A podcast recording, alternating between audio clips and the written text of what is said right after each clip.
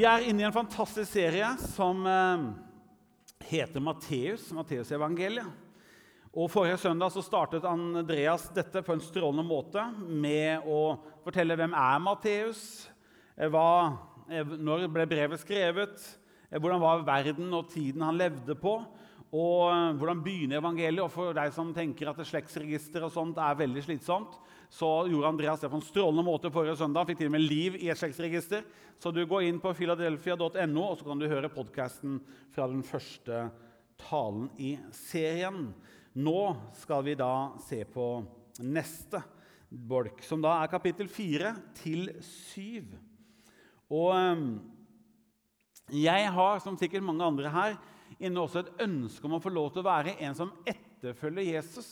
Vårt motto som kirke er jo å være den som leder mennesker som enda ikke tror, til en prosess til å kunne bli dem som er helhjertede etterfølgere av Jesus.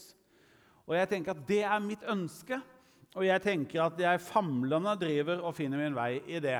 Noen ganger går det utrolig til himmels, og så er det noen ganger vi driver og sjekker litt åssen det er nede i kjelleren. Og så har jeg lovt Gud noen greier som jeg etterpå har glemt. det jeg lovt. Så, så jeg, jeg går den reisen her jeg møter en del mennesker som kommer og så sier de, ja, jeg har vært i Philadelphia, men denne Philadelphia-kirken den er bare sånn veldig suksessfulle, eh, lykkelige, dyktige, kompetente mennesker som ser utrolig flotte ut. Og så sier jeg men du husker at du ser dem jo når de er helt nyvaska i to timer. I det rommet her eh, så er jo vi, og vi møter alle livet med alle de fasongene, brytningene, kampene, oppoverbakkene. Alt det møter vi. Er det ikke sånn vi er? Så vi driver og gjør en eh, reise gjennom livet. Og, og, noe av det kan være både tøft og slitsomt. Og så er vi ikke helt perfekte, noen av oss. Så dette her er jo egentlig det ufullkomne selskap. Eh, så du passer helt perfekt inn. Eh, så jeg bare si det. Og takk for nåden som Gud har, som kan gjøre at vi kan reise oss og stå frimodig på tross av at vi noen ganger snubler litt på reisa. Jeg har forberedt meg til i dag. Og jeg har tenkt når jeg forberedt meg, jeg, skulle, nei, nå, jeg føler sånn, en sånn viss forventning på at jeg burde si noe som ingen noen gang har hørt. Eller som er utrolig velformulert, som kommer til å bli sitert i ukevis og år etterpå. Og jeg har landet på at det er ikke sikkert skjer. Og antageligvis så er det stor sjanse for at veldig mye, kanskje alt det jeg sier, har du hørt før. Og jeg ble sittende og tenke, nå mista jeg litt frimodighet. Så tenkte jeg, ja, Skal jeg møte hundrevis av folk i løpet av søndagen? Og så har jeg ikke, sier jeg ingenting de ikke har hørt før. Og så er det akkurat som jeg, jeg opplevde Gud satte litt lyset på mot mitt liv. Og så sier han til meg at Daniel, hvis du, hvis du tenker at du har lyst til å være en etterfølger av meg og leve tettere på, bli mer lik meg, hva er det største hinderet for at det skjer? Er det største hinderet at det er at noe du ikke har skjønt enda. Aldri hørt før. Er det det største hinderet? Eller er det største hinderet at det er noe du har hørt før, men du har bare ikke fått satt det i praksis? Eller du sliter med å prioritere det? Hva er det største hinderet? Og mitt største hinder er definitivt det siste. Jeg har hørt utrolig mye, og jeg vet egentlig veien, men jeg bare roter det til. For jeg syns noen ganger prisen er for høy, det er for lite komfortabelt, eller jeg klarer aldri å få ordentlig rytme i dette greiene her. Der snubler jeg mest. Og så tenkte jeg ok, kanskje det er to til eh, på søndag som har sånn som meg. Da kan vi jo være frimodige, og så setter vi oss ned rundt bålet. Lar Jesus få lov til å få oppmerksomheten vår, og så lar vi han få tale enda en gang inn i livet vårt om ting han har sagt før. For vi trenger å høre det en gang til. Og kanskje vi denne gangen kan få lov til å la det synke litt inn. Ta det med oss ut inn i kveld, inn i morgendagen og dagen som kommer, og si Gud, hvordan skal jeg omsette dette i praksis? Det er min tanke. Nå går jeg til teksten, og i dag åpner vi Matteus' evangelium, som sagt, kapittel 4-7. Og vi skal selvfølgelig ikke gå vers for vers. Det har vi ikke tid til. Det første jeg å gjøre, det er å henge opp et stort bakteppe. Selv når du skal male et maleri, så trenger du et lerret å male på. Eller du kan henge opp et bakteppe. Bakteppet som alt det jeg skal si i dag, kommer ut ifra, det finner vi i Matteus 4, 17, og det er Jesu programerklæring. Og den er enkel og utrolig krevende samtidig. Venn om! Himlenes rike er kommet nær. Den siste delen er utrolig vakker. Det er bare litt krevende at det kommer de to første ordene først.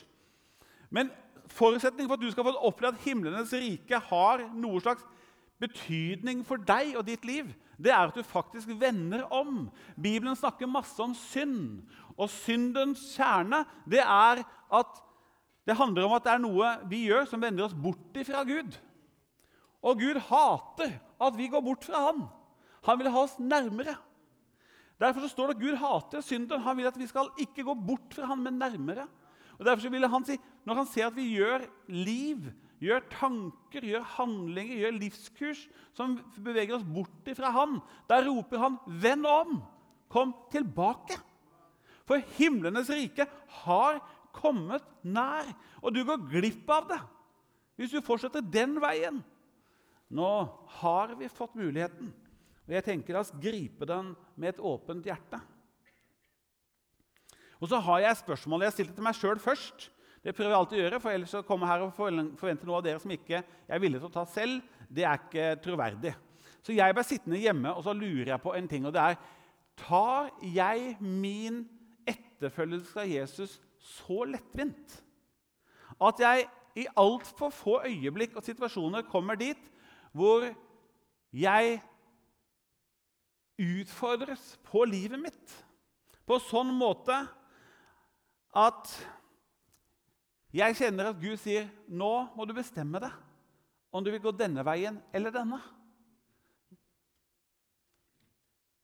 Er det sånn at jeg tar det så lettvint? At jeg aldri kommer dit som selv Jesus kom? For Jesus kom også dit hvor han sier, 'Men far, ikke min vilje.'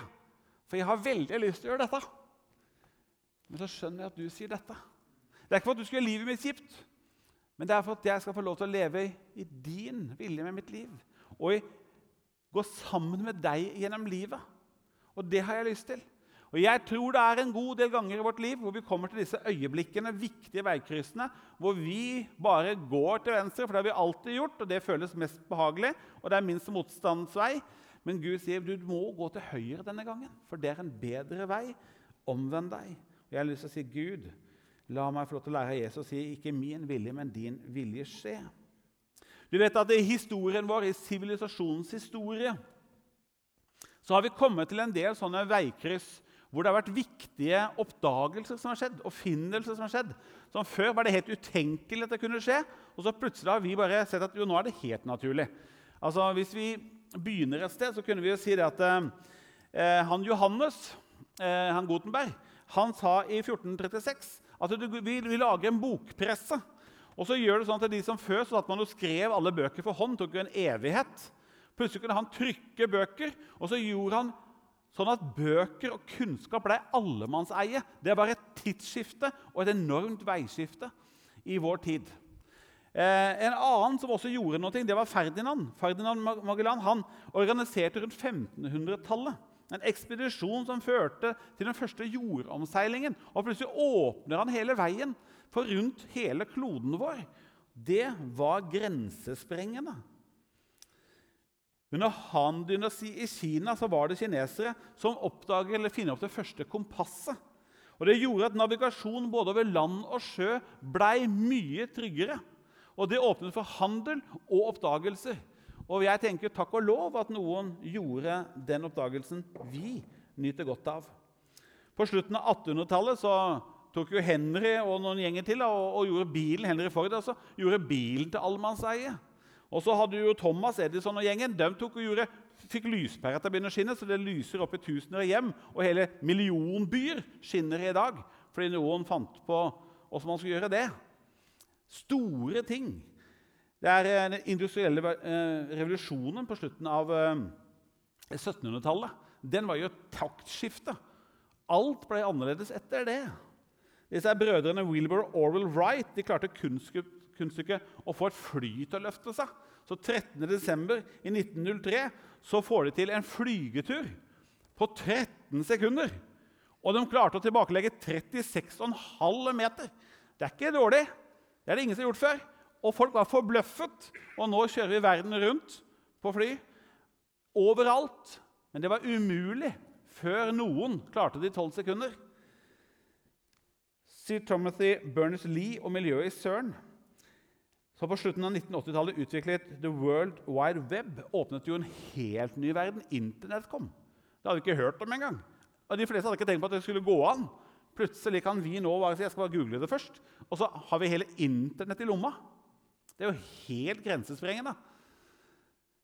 Og så har vi godeste Martin Cooper og miljøet i Motorola som i 73 kom med konseptet om en håndholdt mobiltelefon. Denne Prototypen veide to kilo, og så hadde du et batteri som eh, varte i 20 minutter. og Det var egentlig lenge nok, for du orker ikke å holde telefonen på to kilo lenger enn 20 minutter. så det var passe. Men tenk at noen har funnet på dette. Alt dette har gjort noe med vår måte å leve på. Vi kunne ikke tenkt oss en verden uten. Så vil jeg, uten å si det som en klisjé, allikevel påstå alt det der det er som krusninger på overflaten sammenlignet med lyden av føttene til hans sønnen fra tømmermannen fra småstedet Nasaret i Israel. For alt det andre her, det er i beste fall materielle ting. I beste fall er det ting som fungerer en tid.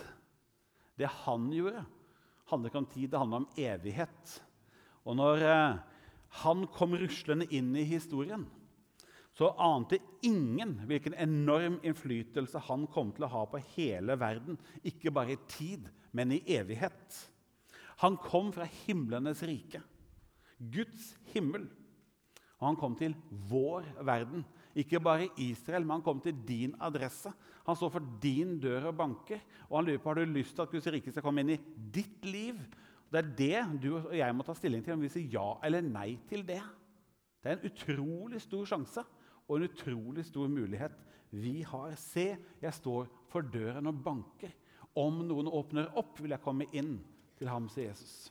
Det er sannheten i de beste nyhetene verden har, evangeliet.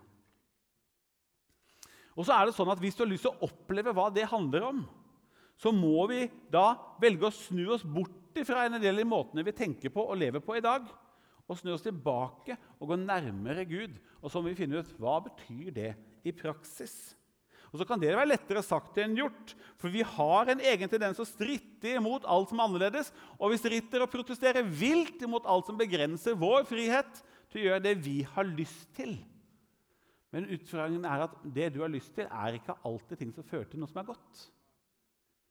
Det bare kan hende det føles godt, men det er ikke sikkert det gjør godt det er bedraget med synd. Det er at det kan føles godt uten å gjøre godt. Og Jesu korte proklamasjon gikk rett i strupen på alt dette. Himmelens rike er kommet nær, men du må omvende deg for å få lov til å erfare det. Og Derfor står det også i disse kapitlene her at veien er smal. Det er ikke for at Gud er innmari kjip. Det er bare for at han må si at det er så smalt, og du må legge fra deg masse ting som ikke er bra for livet ditt. Du må legge fra deg synd og bråk og spetakkel. Denne veien er smal fordi den er med og gjør at du blir fri fra mange av de tingene som holder deg tilbake, som sårer deg og ødelegger deg. Du må legge det bak. Veien er smal. Porten er trang. Ikke for et trangt liv. Du kommer inn i et åpent landskap, men du må være villig til å legge bak deg noe og legge fra deg noe som er destruktivt, og som fører deg bort ifra Gud. Det må vi være villige til, og det sliter vi forunderlig mye med. Husk at evigheten har nå brutt inn i tiden. Gud gikk med støvete føtter midt iblant oss. Det er som han plutselig, uten at vi hadde hørt ham en gang, plutselig satt her i kveld. Midt i benkeraden. Og ingen visste hvem han var før han begynte å snakke. Og da syntes alle han var veldig rar. Han snakker helt annerledes, helt, altså han tenker jo helt annerledes enn oss. Himlenes rike har kommet nær. Og det er opp til hver enkelt menneske å velge hvilken vei vi velger å følge. Tre påstander. Bøker er enig. I alle kristne er Kristus nærværende. Det er veldig gode nyheter. Hvis du vil til himmelen, du trenger bare at Jesus bor i ditt liv, så er du trygg for tid og evighet. I noen kristne så er Kristus framtredende. Sånn Når du er sammen med dem, så tenker du oi, det lukter Jesus av deg.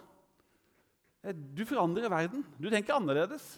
Du er sånn som himlenes rike.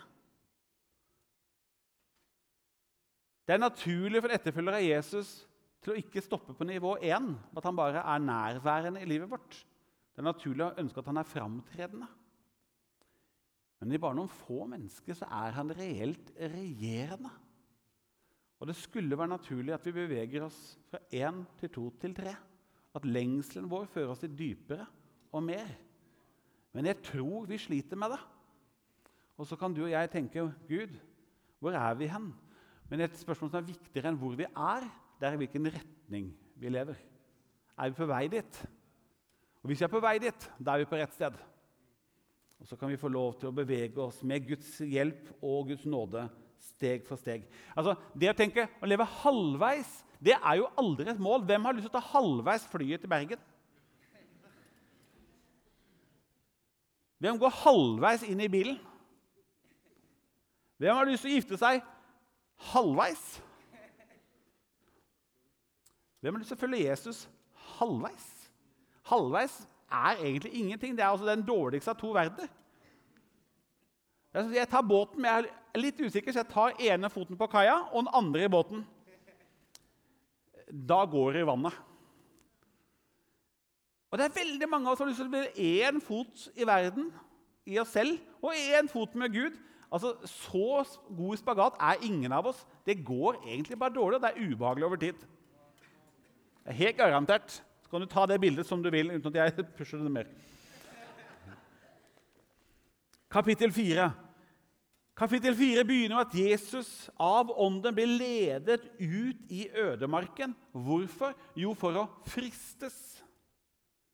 Det er ingen tvil om at dette var utfordrende for Jesus. Og så er jeg klar over at det er et sidespor. Jeg skal ikke følge det langt. Men i vers 2 så står det han fastet i 40 dager og 40 netter. Nå er vi på vei inn mot fasten mot påske, som er nevnt. Og det er fantastisk spennende. Eh, men så står det etter 40 dager 40 så ble han til sist sulten. Der er jeg raskere enn Jesus. Skal jeg si med en gang, Det tar ikke meg 40 dager og 40 netter før jeg begynner å kjenne på nå har det gått med pizza. Men det, er, men det, er, altså, det har ingenting med det jeg skal si. Det er, jeg måtte bare liksom nevne, synes det er veldig rart at det står sånn. Men det er en ren digresjon. Ordet 'fristet' er jo på norsk utelukkende negativt. Handler om å bli lokket eller forført til å gjøre noe som er syndig og galt. Eller få oss til å velge en feil vei.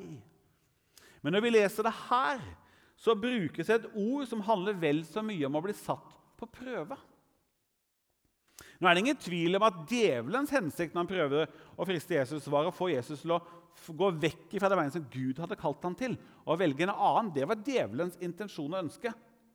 Men det var ikke Guds intensjon med å la ånden føre han ut i ødemarken. Det var ikke sånn håper, Gud satt i himmelen og tenkte nå håper jeg ikke han klarer det her. Nei, Han sendte Jesus ut for å prøve ham. For han skulle få lov til å bli forberedt til det som ligger foran. Så han kunne stå stødig når stormene kom og prøvelsene ble tøffe. Og Noen ganger vil du oppleve at Gud leder deg inn i en ting som er liksom, Hvorfor er det sånn, da? Det er Noen ganger så trenger vi å testes. Vi trenger å lære. Vi trenger å få lov til å få ordentlig beina under oss. Når stormen kommer, så vippes ikke vi av pinnen. Når fristelsen kommer, så detter vi ikke bare sammen. Nei, for vi har blitt testet i dette. Vi har lært av dette. Og jeg tror det var helt nødvendig for Jesus å få lov faktisk å prøve dette selv. Og så må vi lære en viktig ting av Jesus. og det er Når da fristelsen kommer, så svarer han konsekvent én ting, og det er 'det står skrevet'. Det er det samme som faren min sier. Eh, pappa sier ja, men 'Kan ikke du ta dette?' Nei, pappa sier. Du, 'Dette her er veldig bra.' Nei, pappa sier. Fordi han vet at det pappa sier, er det beste. Det står skrevet. Og så har jeg merket meg over tid Jeg synes jeg hører en del mennesker som sier denne setningen Eh, jeg føler at Gud Den setningen liker jeg ikke. Jeg kan forstå det til en viss grad, for jeg også kan oppleve at hvis jeg opplever noen ganger at Gud gir meg en tanke, og så føler jeg at jeg får et hint til å følge dette, eller et hint til å gjøre dette. Så jeg skjønner den på dette, denne måten. Men jeg er veldig redd for hvis det skjer sånn at jeg føler at Gud blir en måte som erstatter det som er skrevet. For hvis det skjer, da er vi ute og sykler for følelsene våre, er ikke sånn. Hvis vi tenker at jeg føler at Gud sier, da har følelsene tatt over Den hellige åndens rolle i vårt liv. Og det må det ikke gjøre.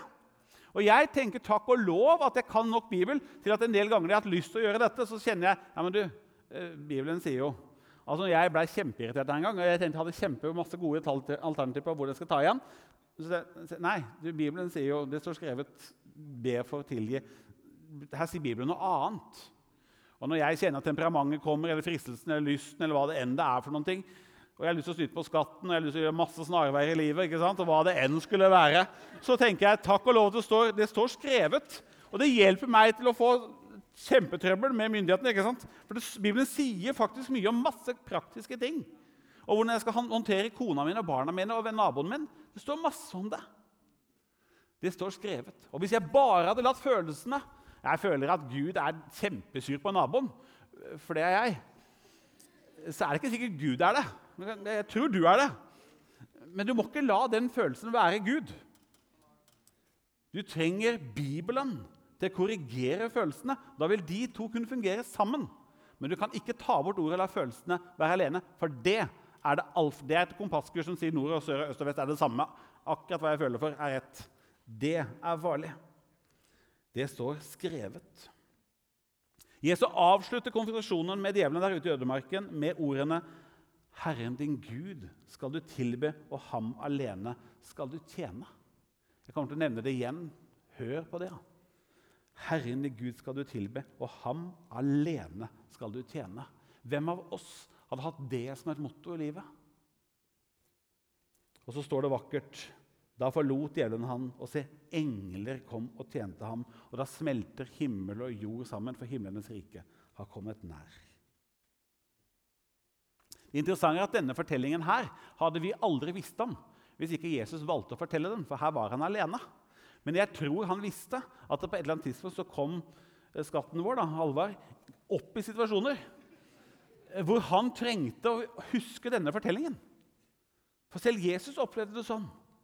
Så Jesus ga oss denne fortellingen inside information fra sin egen reise for at vi skulle få lov til å huske det og lære av det og stå i det. Herren i Gud skal du tilbe, og ham alene skal du tjene.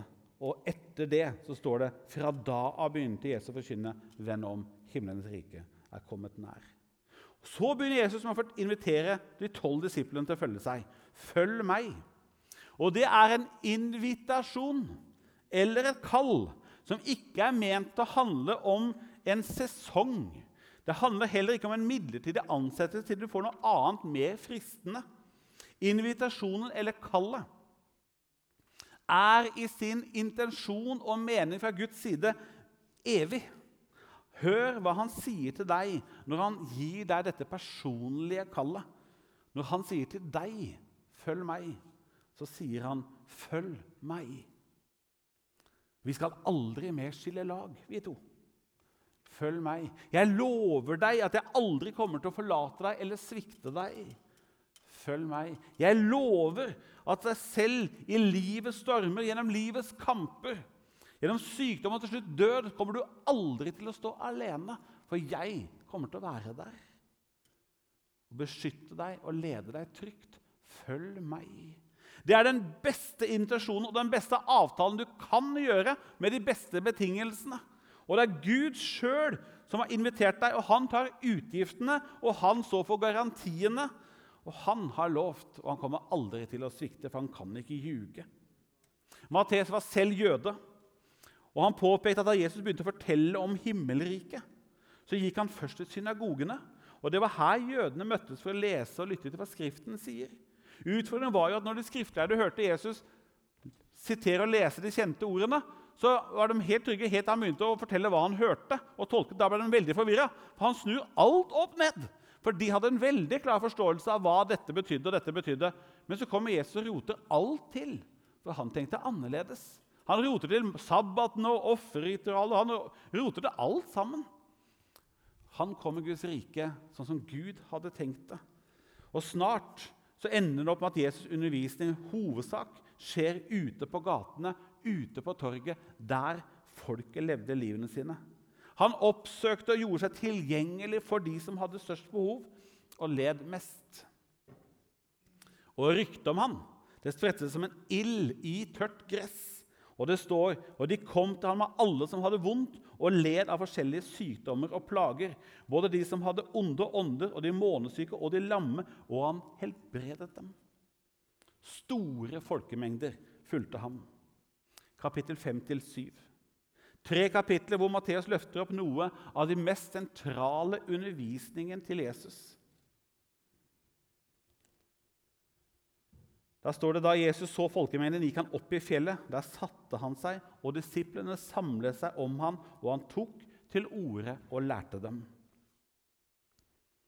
Salige er de fattige i ånden, for himmelriket er deres. Salige er de som sørger, for de skal trøstes. Salige er de ydmyke, for de skal arve jorden. Det er veldig rart, det er masse rare kontraster her. For dem som har vært fattig, det er ikke noe salig å være fattig. Heller ikke i ånden. Hva er det han mener med dette? Salig er de som sørger. Det er jo ingenting salig med å sørge. Det er bare vondt.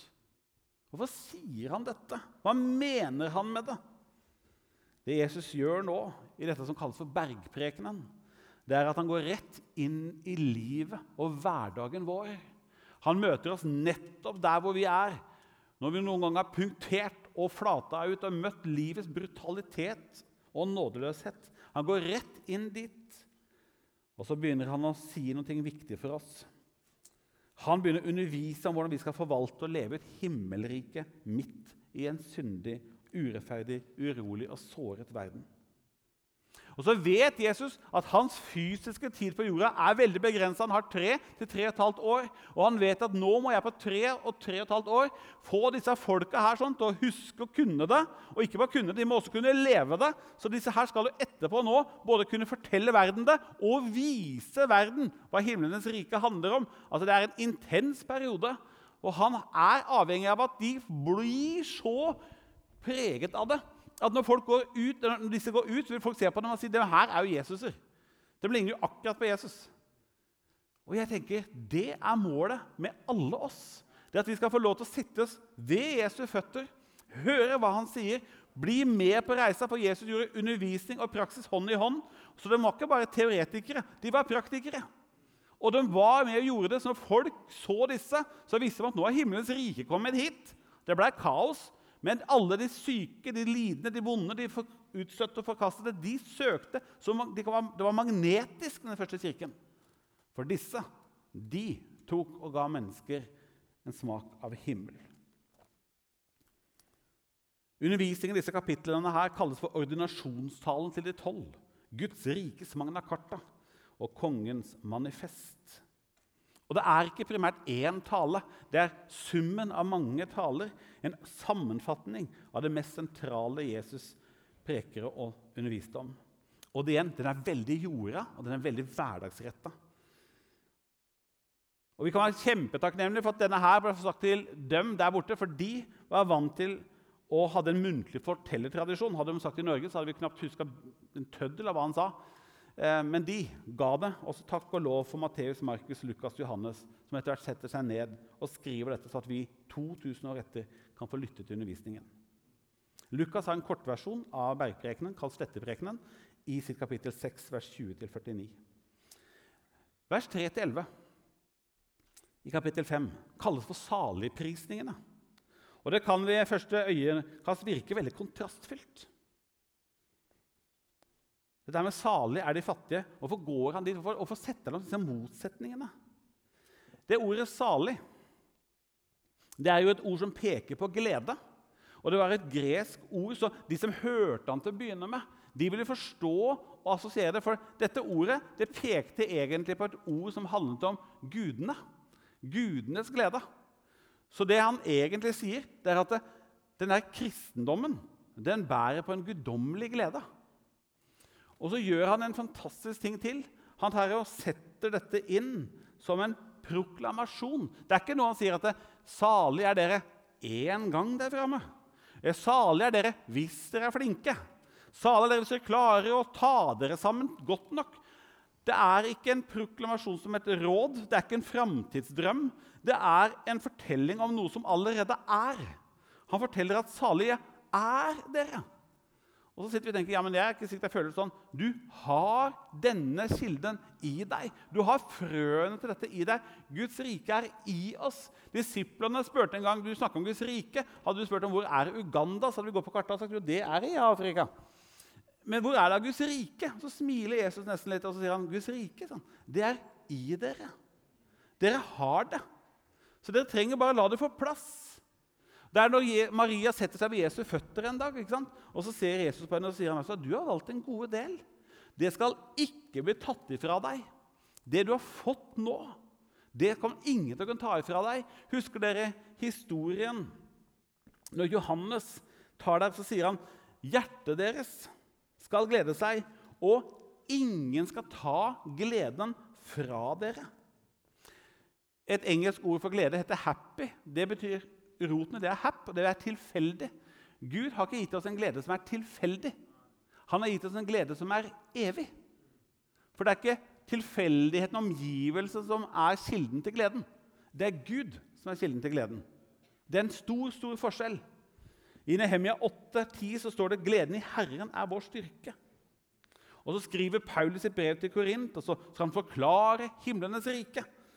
Og Da skriver han sånn Guds rike består ikke i ord, men det består i kraft.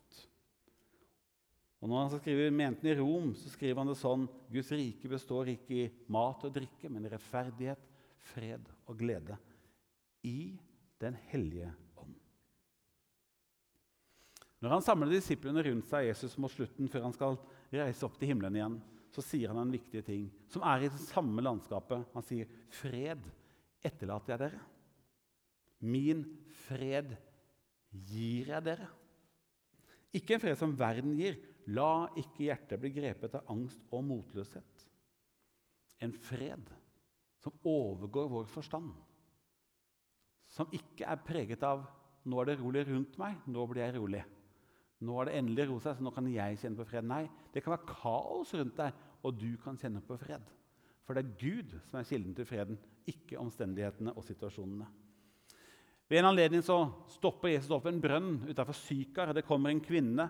Hun har levd et ganske rotete eh, og uryddig liv, både moralsk og på mange måter. Og jeg vet ikke hva som er bakteppet her, men jeg vet at hun var en kvinne drevet av, av skam. Så hun kommer ut på den tiende dag, dag, dagen hvor ingen andre gikk, for det var så varmt. Og så er det en mann der han er fremmed. Og hun aner ikke hvor fremmed. Han er ikke engang fra Israel, han er fra himmelen. Og så blir denne artige samtalen hvor han spør om vann. Og, og Han sier plutselig om du hadde kjent Guds gave og visst hvem det var som ber deg om å drikke, da hadde du bedt han, og han hadde gitt deg levende vann. Og hun skjønner jo absolutt ingenting av dette. Og hun er jo veldig praktisk igjen. Mange tenker den kvinnen het Fotini, og hun Fotini skjønner jo ingenting. Han, hun ser på mannen på brønnkanten, og han har ikke noe tau og han har ikke noe vannkruk å hente opp vann med. Men så sier han allikevel den som drikker av det vannet jeg skal gi, skal aldri mer tørste. For det vannet jeg vil gi, blir han en kilde med vann som veller fram og gir evig liv. Hun skjønte ikke at han snakket om Den hellige ånd. Men snart kom hun til å oppleve det rett etterpå. Så får hun et møte med Gud som gjør at denne damen som nå luska seg ut under radaren, går nå inn og tiltrekker seg all oppmerksomhet og det interessante er at ingenting i hennes omgivelser og omstendigheter har endret seg. Alt er det samme, men hun er annerledes. For hun har fått et møte med Gud, ikke rundt seg, men i seg. Derfor er den gleden salig, blessed are you, den handler om hva Gud kan gi oss ved sin ånd. Og det er det ingen som kan ta fra deg. Du kan stå midt i sykdom og spetakkel og bråk og kjenne på glede og fred. Fordi Gud kan gi deg det, og det er ingen som kan ta det fra deg. Vi må bare la Guds ånd få plass nok til å få lov til å gi det til oss. Søk først Guds rike og hans rettferdighet, står det i kapittel 6, vers 33. Søk først Guds rike og hans rettferdighet, så skal du få det andre. Vi er nødt til å vite hva er først, hva er viktigst. I praksis betyr det at vi setter Guds rike og hans vilje først, sånn at det påvirker alt annet i livet vårt. Det er jo en test vi kan ta når vi kommer hjem. Sier, gå igjennom raskt sånn en liten sjekk. Hva er jeg har i livet mitt? Og er det Guds rike som påvirker hvordan jeg forvalter det, eller er det andre ting? Jesus er veldig konkret. Han snakker direkte inn i folks hverdagsliv. I bergprekenen er han hverdagslig. Han snakker om Dere har hørt det sagt, du skal elske din neste og hate din fiende. Jeg sier, elsk deres fiender. Velsign den som forbanner dere. Han snur det på hodet. Han utfordrer folk til å være givere, som Halvard snakket om. Sånn som hjertet gir med glede. Og I dag så sitter vi nå sammen med Jesus. Og så er spørsmålet mitt denne kvelden i hvilken grad når disse ordene inn i livet vårt? I hvilken grad tar vi dem imot og lar det få lov til å være noe som får oss å omvende oss fra det vi har tenkt til nå, og begynne å tenke mer lik Gud? Jesu undervisning i bergprekenen er utfordrende, men også frigjørende. Og Så løfter han blikket og så ser han på kirken og sier dere skal ikke samle dere skatter på jorden. Samle dere skatter i himmelen.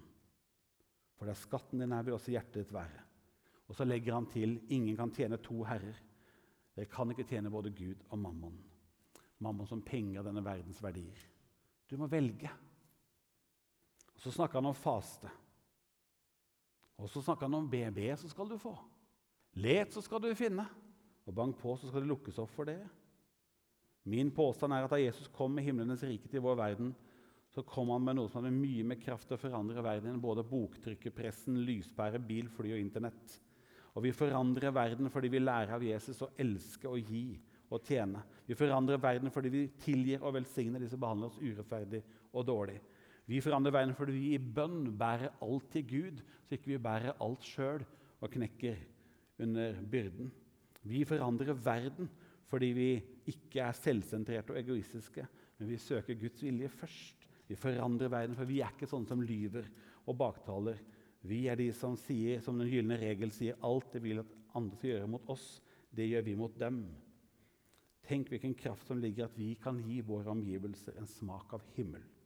Idet vi lever ut himlenes rikes hjerte og tanke i en skadeskutt verden. Jesus sa det selv i kapittel 3, vers 16. Slik skal deres lys skinne for menneskene, så de kan se de gode gjerningene dere gjør, og prise deres Far i himmelen. Mitt spørsmål til meg selv til slutt er jo om min omverden i meg ser en kirke. Om de i meg ser en Jesu etterfølger som lever et liv som gir dem en smak av himmel. Jeg har tatt med meg setningen til Jesus. Herren min Gud skal jeg tilbe, og han alene vil jeg tjene. For jeg har valgt primært å ville søke Guds rike først og hans rettferdighet. Og så avslutter han i kapittel 7 med en liten fortelling om et hus som er bygd på fjell. Og jeg avslutter med den. Og hør. Hver den som hører disse mine ord og gjør det de sier, ligner en klok mann som bygde huset sitt på fjell. Regnet styrtet, og elvene flommet, og vindene blåste og slo mot huset, men det falt ikke fordi det var bygd på fjell. Jesu undervisning i bergprekenen hjelper oss til å få et liv som ikke faller og kollapser når livets stormer kommer. For det er sterkt nok til å leve, sterkt til å tåle, sterkt nok til å møte alt hva dette livet i denne verden byr på. Du har nå hørt en podkast fra Filadelfia-kirken i Oslo. Vil du vite mer om oss, gå inn på filadelfia.no. Og ikke minst velkommen til å feire gudstjenester med oss hver eneste søndag, enten fysisk eller online.